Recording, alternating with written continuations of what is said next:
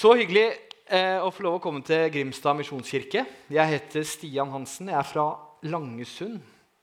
Det er ca. halvannen time østover herfra. Eh, jeg er pastor i Hånes frikirke, som er 30 minutter sørover herfra. Kone, tre barn. Ja. Men jeg ble spurt om å tale her fordi at jeg har vandra en vei med Jesus som eh, Altså, kristne og mat altså De har lurt folk inn i kjerka med mat de siste 2000 åra. Eh, så dere som er her pga. maten, jeg skjønner dere veldig godt. For de lager veldig god mat. Eh, men min historie begynner i 1984. Og jeg blir da født med to narkomane foreldre. Eh, som Den gangen så var ikke barnevernet like aktivt som det det er i dag. Så min mor og min far fikk lov å beholde meg. Eh, og så går det 10-11 måneder, og så skal min mamma og pappa på fest. Og så har de et dilemma. Det er ca. 56 cm langt og veier 8 kg. Hva gjør man med det? Jo, de putta meg opp i lekegrinda, og så reiste de på fest. Og så rusa de seg så at de glemte at de hadde et barn hjemme i lekegrinda. Så der var jeg alene hjemme i ja, halvannet døgn som ti måneder gammel baby. Og da kom barnevernet, plukka meg fra de, eh, og jeg havna i fosterhjem. Eh, og når jeg er syv år gammel, så prøver min mamma å slutte å ruse seg. Er på avrusning, og så er hun på en permisjon. Eh, og så er hun da hjemme hos sin ektemann, og så havner de i en krangel. Og så finner han fram en brødkniv og kjører den tvers gjennom brystet hennes. Eh, så da er jeg syv år, og mamma er i mammas begravelse. Eh, og så Som 12-13-åring så var det jo fotball, håndball, turning, speider og alle disse tingene. Men veldig mye aggresjon. Jeg husker jeg gikk på ungdomsskolen, og så var det en som het Anders. Som gikk på samme trinn under meg. og så, Jeg vet ikke om dere husker sånne gamle ungdomsskoler hvor de bona gulvene sånn godt. Og så hadde jeg på meg sånn svart Adidas-bukse. Så tenkte jeg nå prøver vi å sklitakle. Det er jo akkurat nybona. Så jeg løp bak Anders, og så sklitakla jeg Anders, så han knakk armen. Det var på en måte min mentalitet på denne tiden her. Eh, og når jeg var 14 år, så husker jeg vi var i, på prestens time, konfirmasjonsundervisning. Og altså, Det var så dørgende kjedelig at vi visste ikke hvor vi skulle gjøre oss. Så presten måtte ut og ta en telefon, og da fant vi en side fra Jesaja. Eh, og så reiv vi den ut av prestens bibel. For vet dere hva dere kan gjøre med disse papirene inni denne boka her? Det kan røykes. Så vi Altså, jeg har røyka hasj med Jesaja. Noen andre som har gjort det? Nei? Ingen? Nei, Det er ikke til å anbefale. Eh, så jeg begynte å røyke hasj i en alder av 14 år. Og dette var jo altså, Alle psykologer og alle sånne folk vil jo si at eh, gjennom en sånn type barndom og oppvekst så vil du eh, oppleve traumer, du vil bære med deg angst osv. Eh, for min del så var det aggresjon, det var utagering, det var eh, å prøve å løpe litt bort fra de tingene som gjorde vondt på innsida. Det mørket som på en måte hadde fått fullstendig fotfeste på innsida. Eh, og jeg hadde ingen kristne foreldre, ingen kristne fosterforeldre, ingen kristne besteforeldre. Ingen kristne oldeforeldre, men søstera til oldemor hun er den eneste i familien jeg vet var kristen. Så det kan jo hende at hun ba en par ganger for meg. Men så, så denne prosessen begynte da som 14-åring. Også som eh, 17-åring så prøver jeg amfetamin for første gang. Eh, og, og, så går det bare derfra. Amfetamin, kokain, eh, ecstasy, LSD. Jeg var på en syretripp i 2006.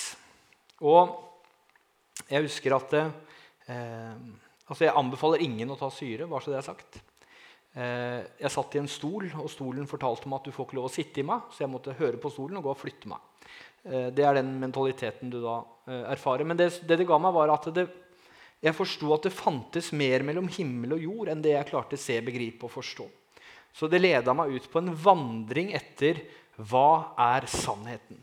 For jeg visste det at hvert eneste blad på hvert eneste tre på denne planeten har et DNA. Og det DNA-et til det bladet er nesten likt som treet. Det har noen, så det går nedover og nedover og nedover, bakover og bakover. og bakover. Så alle her inne har et DNA som på en måte kan spoles bakover og bakover og bakover etter et eller annet sted. Hvor et eller annet sted starta, hvor livet på en måte hadde sitt opphav og sin begynnelse. Eh, og, og, denne søken den, den, dro meg gjennom sjamanisme, hinduisme, buddhisme. Jeg var innom de fleste ismene du kommer borti. Eh, og sjamanisme var på en måte det som tiltrakk meg mest. Da. Og det, Sjamanisme kan jo defineres som en en panteistisk tro hvor det på en måte er en gud i alt. Det er en gud i et tre, det er en gud i det, det er en gud i det. Det er på en måte en gud overalt. Og så er universets helhet å prøve å få sjakrapunktene. Altså det er en veldig sånn blandende, blandende forståelse. Men det er den åndelige dimensjonen. Hvor sjamanene på en måte er de som eh, de kaller det gatekeepers. hvor man, Det er sjamanene som styrer hvem som får lov å gå inn i det åndelige riket. Også, og ikke, da, hvis dere har sett sånne eh, fra samisk TV, de som joiker, de har jo da kontakt med det, den åndelige sfæren. Eh, og det er jo interessant nok. Men det ga aldri noe, på en måte noe fred i det hele tatt. Jeg husker jeg møtte eh, han som drepte mammaen min. Eh, han bodde i Kragerø. og Planen vår var at vi skulle ned og så skulle vi ta han. For det, altså det sinnet som har bygd seg opp gjennom en 15-20 år etter at noen tatt livet av mora di, det er ganske stort. Og når jeg takler Anders på Bona gulv, så kan dere jo tenke dere åssen det her utarta seg. Eh, så jeg var veldig sinna. Og jeg var kamerat med folk som var i HA, eh, folk som var i Savage, Bandidos altså Det var sånne folk du hang med. De vil du ikke møte i en mørk bakgate, bare så det er sagt. Eh, og dette var venner. Mine venner.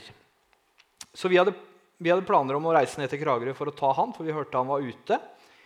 Eh, så vi hadde pakka bilen med tau, balltre og spikerpistol. Eh, og planen var at vi skulle finne den, og så skulle vi binde den fast til et tre. Så skulle vi knuse kneskålene hans med balltreet, og så skulle vi feste ballene hans til treet med spikerpistol. Nå hadde det var heldigvis noe problem med den gamle Granadaen som vi skulle kjøre. Ford, altså. Eh, så det redda situasjonen til han som tok livet av mamma. Så vi kom oss ikke av gårde. Eh, så alt dette her skjer samtidig som jeg prøver å balansere et sånn herre eh, Altså, på kokain å være selger, det funka, skjønner du. Sant? Sitte med telefonsalg. Jeg husker jeg var på Kvartfestivalen for Telenor. Tenk deg, Telenor ville ansette meg. Eh, og så skulle jeg drive og intervjue folk. Så jeg fløy rundt på amfetamin på Kvartfestivalen og intervjua folk. Jeg sov ikke ett eneste minutt gjennom hele Kvartfestivalen. Jeg gikk våken i fem døgn. Kan du tenke deg åssen de intervjuene var på slutten. Eh, og, men underliggende alt dette så var det på en måte en sånn her søken etter hva, hva er det som er sannheten.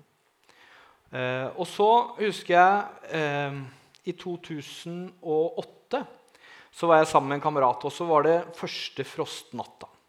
Vet dere hva som skjer første frostnatta? Ingen? Nei? Fleinsoppen blir potent. Nå lærte dere noe nytt.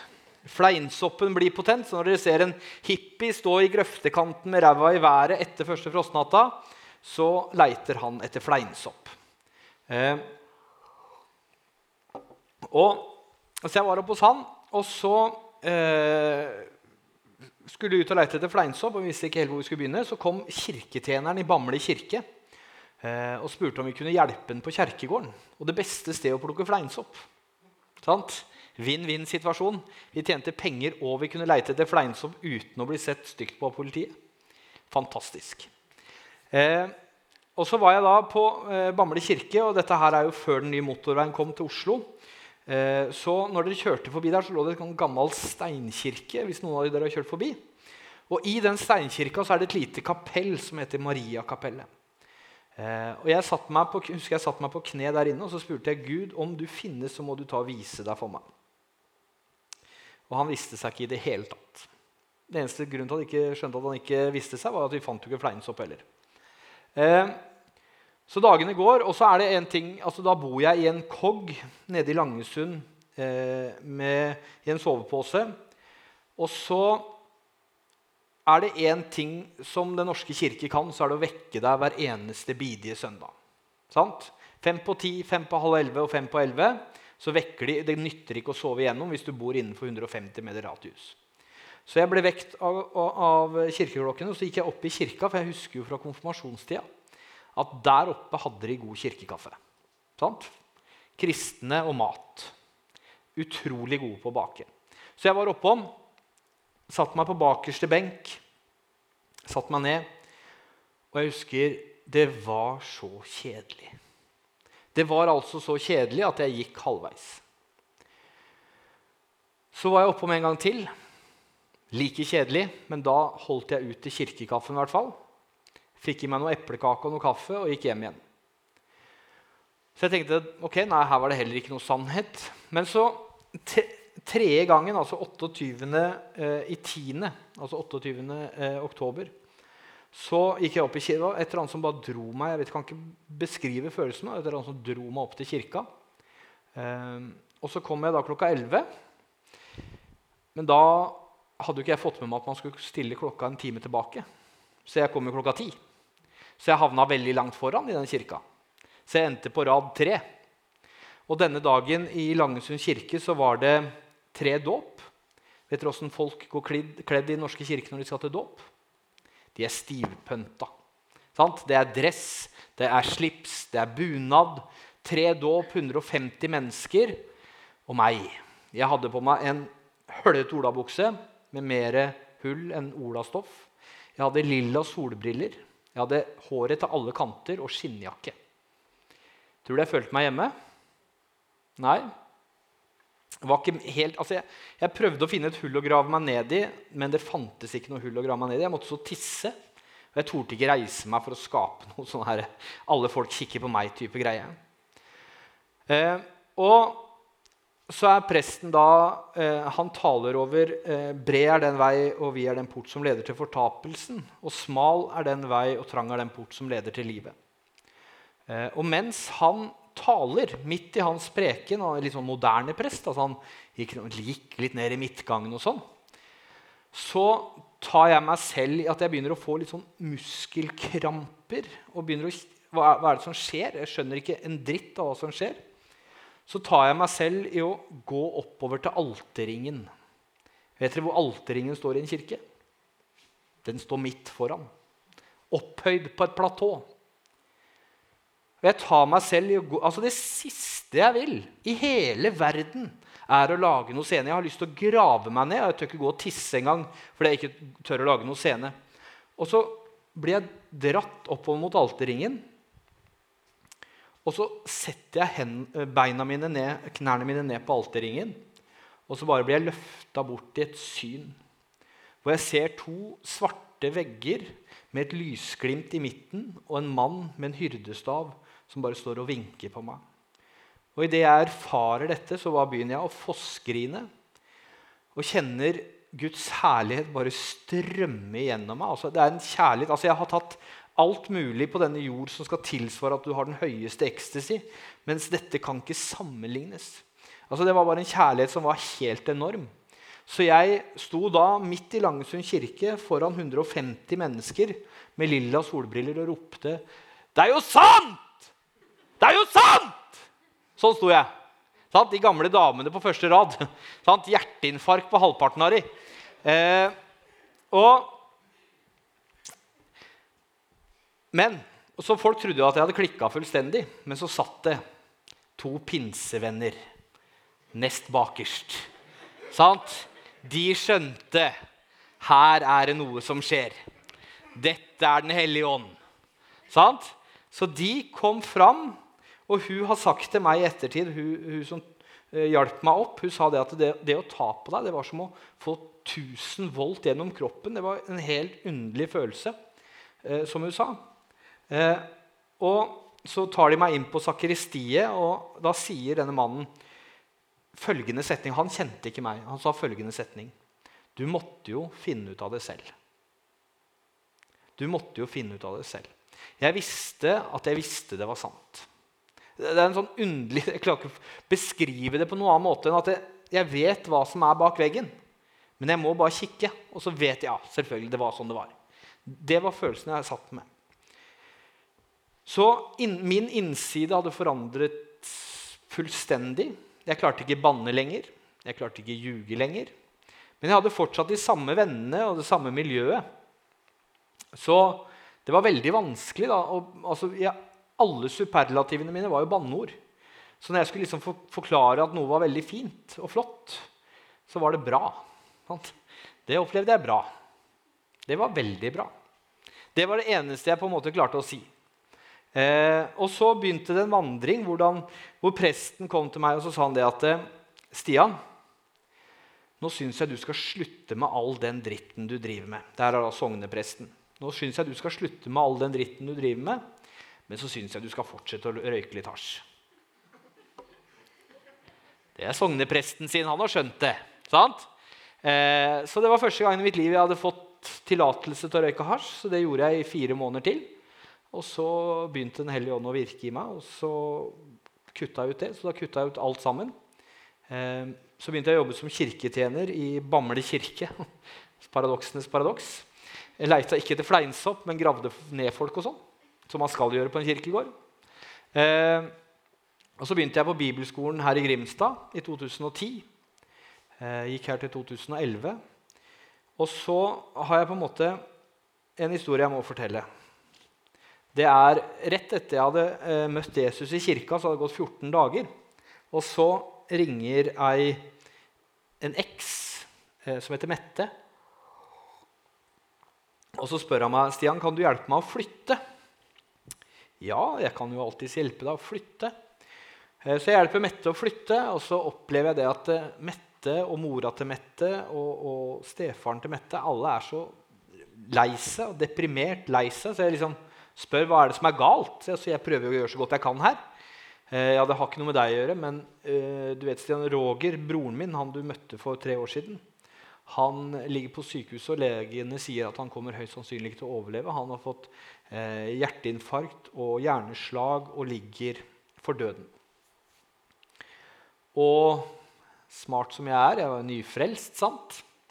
så spør jeg kan jeg få lov å være med på sykehuset. Jeg kjente ikke karen. Jeg hadde ikke møtt Mette på tre år. Så det var naturlig selvfølgelig å spørre om jeg kunne være med på sykehuset. Eh, så de visste jo ikke helt hva de skulle svare, så de svarte jo ja.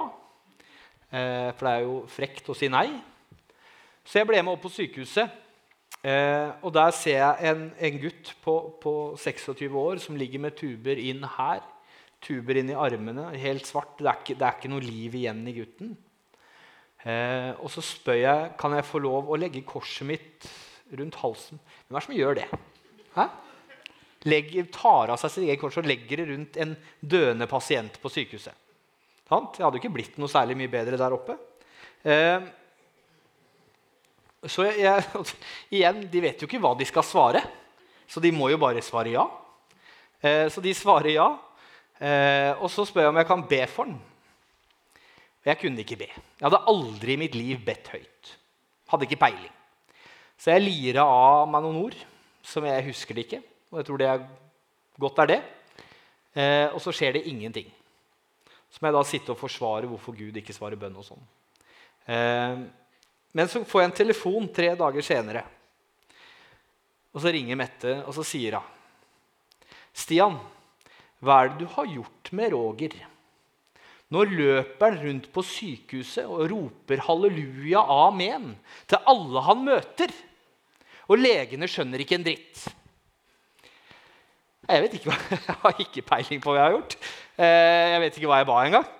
Eh, men da forteller Roger meg det at jeg, jeg, følte jeg ble bare sugd ned i et mørke. Og så følte jeg en lysets hånd som kom ned og løfta meg opp. Og han eh, tok imot Jesus og, og, virkelig levde et liv for ham. Og så døde han to år etterpå. Eh, av hjerteinfarkt igjen. Men da hadde han havna hjemme. Så han hadde fått bygd opp relasjonen med familien sin. Han hadde eh, virkelig liksom fått Og han lengta så etter himmelen. For han hadde fått en liten smak på hva, hva det er vi venter på, det håpet som vi har satt vår lit til. Hadde han fått smake og kjent på. Sånn at han Jeg tror at han ikke hadde tid til å vente, så han reiste hjem eh, litt tidlig. Så, så er det jo typisk kristen resten, sant? og så treffer du dama di, og så går det Altså, Du treffes på sommeren, og så forlover du deg på høsten, og så gifter du deg på sommeren igjen. Sant? Så jeg traff kona mi på, eh, på pinseleir på pinseaften, og hun var pinsevenn på pinsestedet oppi, et eller annet oppe i Telemark. Eh, og vi gifta oss året etterpå, som seg hør og bør. Så dere som er kristne og sammen med noen, dere vet at nå begynner å få dårlig tid. sant? Eh, og så begynte jeg å studere. altså Jeg måtte ta generell studiekompetanse i 2012, for jeg hadde jo bare fullført murutdannelsen min. Eh, og jeg prøvde å sove med de her eh, bøkene under hodeputa. Det funka ikke eh, i det hele tatt. Eh, så jeg fikk eh, noen toere og noen treere og noen firere, noen femmere og noen seksere. Så jeg kom inn på Ansgar. Det skulle visst ikke så mye til. Kom inn på teologi på Ansgar. Eh, så jeg kom inn der. Jeg holder nå på å skrive masteren min. Jeg har tre barn og er pastor i Hånes frikirke. Og så får jeg lov å være litt sånn rundt på sånne steder som dette og få lov å tale til den, altså den, generasjonen som dere er, som er litt yngre enn meg, som har egentlig mye power og mye trøkk. Eh, og når man først får lov å, å, se og erfare Jesus og se hva han gjør, så er det et eller annet som, som brenner på innsida. Du, du, klarer ikke sitte inne med det. Det er som å se sønnen min på fem år når han har vært og kjøpt Nerf gun i bursdagsgave til kameraten sin. Han står som 'Pappa, kan jeg si hva det er?' Kan jeg si hva det er? Og, og, og, og, dette er det som brenner på innsida av meg, og som jeg så inderlig ønsker at brenner på innsida av dere. Altså, Jeg satt på Sørlandssenteret på kafé. Og istedenfor å sitte på mobilen så satt jeg og ba for hvert enkelt menneske som gikk forbi. Jeg hadde ikke peiling på hvem de var. Men jeg tenkte Gud velsigne henne. Gud velsigne han. Du ser han, du ser hva han bærer på i dag. Altså, Hva er det som gjør dette livet spennende? da? Er det å få ny bil? Ja, det er gøy. det. Jeg har akkurat kjøpt meg Tesla. Det er kjempegøy. Men det er ikke noe sammenlignet med å se et menneske gå fra å ikke kjenne Jesus til å møte og se og erfare Jesus og aldri bli den samme igjen.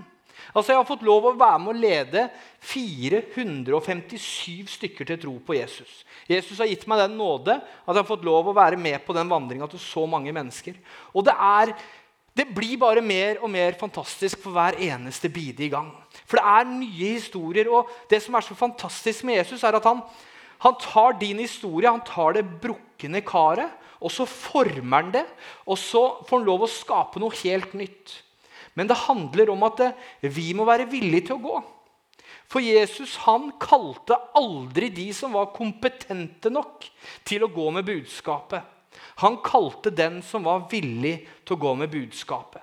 Jeg var et rasshøl på 25 år som gjorde så mye ondskap som du kan tenke deg. Jeg har sittet i fengsel tre ganger. Eh, jeg har slått ned folk med jernstang. Jeg har blitt knust nesa på syv ganger. Og har, altså, Det har vært helt vilt. Og i dag så er jeg trebarnsfar og pastor. Og, sant? Hva, altså Alt det Gud kan gjøre, da. Når jeg går rundt hjemme i Langesund, så kommer folk bort til meg og sier at Stian, jeg tror på Jesus jeg, fordi jeg ser deg. Jeg så deg, og nå ser jeg deg. Og det er ingen annen enn Jesus som kan gjøre en sånn stor endring. Og det er jeg helt enig i. Hvor lang tid har jeg brukt nå? Altfor lenge, siden? Amen. Eh, og så vil jeg bare fortelle et par andre historier. Jeg, jeg var på, altså Gud har jo utrusta oss med en gaveutrustning.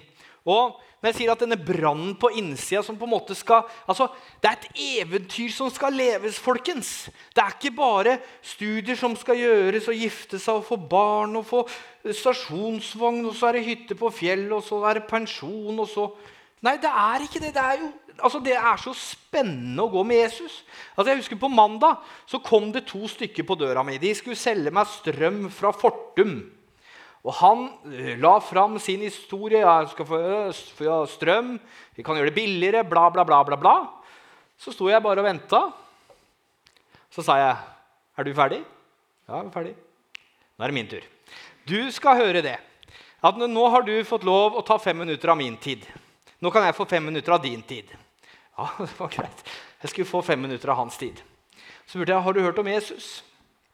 Ja, han var jo fra Sørlandet, så selvfølgelig hadde han hørt om Jesus.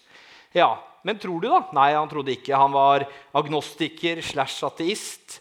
Eh, så han eh, hadde ikke noe. Også ved siden av han så sto det en som var under opplæring. Han var fra Eritrea. Og Så følte jeg bare Gud sa, 'Se, se han'. Kikka jeg bort på han, og så spurte jeg hva heter du. Da husker jeg ikke navnet hans, for det var et ganske vanskelig navn. Eh, og så fortalte han navnet sitt og sa han var under opplæring, og jeg var tredje huset han hadde vært på. Så sier jeg, men kan ikke du prøve å selge til meg nå? Jo, Og så prøvde han jo å stable fram noen ord og prøvde å selge. Ikke veldig bra.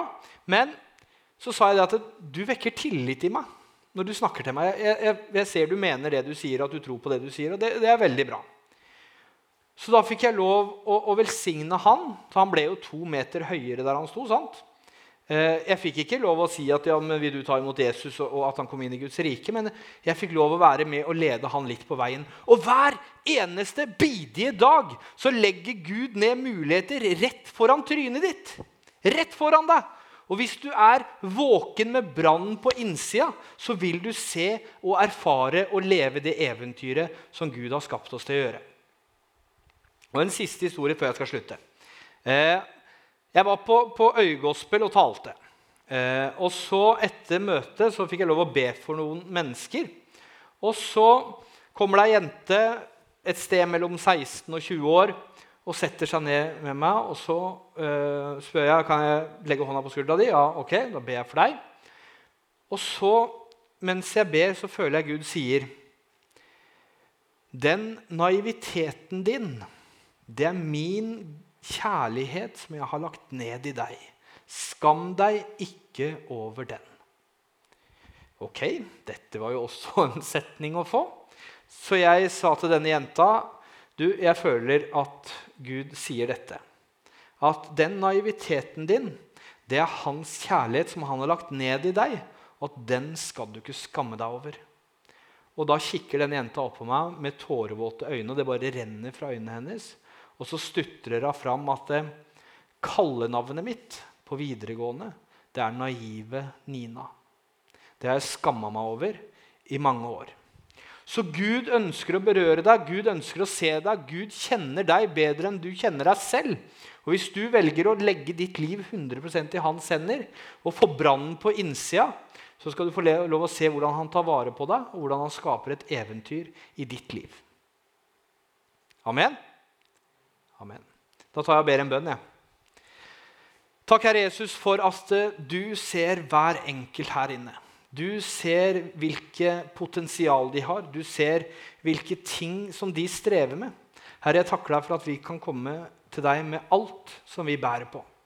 Kom til meg, alle dere som strever og bærer tunge byrder, og jeg vil gi dere hvile. Takk, Herre, for at det, hos deg kan vi finne hvile. Hos deg kan vi få ny kraft. Herre, jeg ber om at de menneskene her inne som kjenner at åh, det hadde vært deilig med litt ny kraft, Herre, jeg ber om at du møter de menneskene akkurat nå og akkurat i kveld.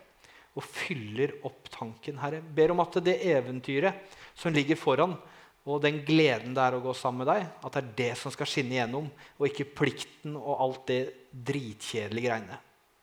Så takk, Herre, for at du har en fantastisk tanke med oss, og at du gleder deg over hver enkelt en av oss. I Jesu navn. Amen.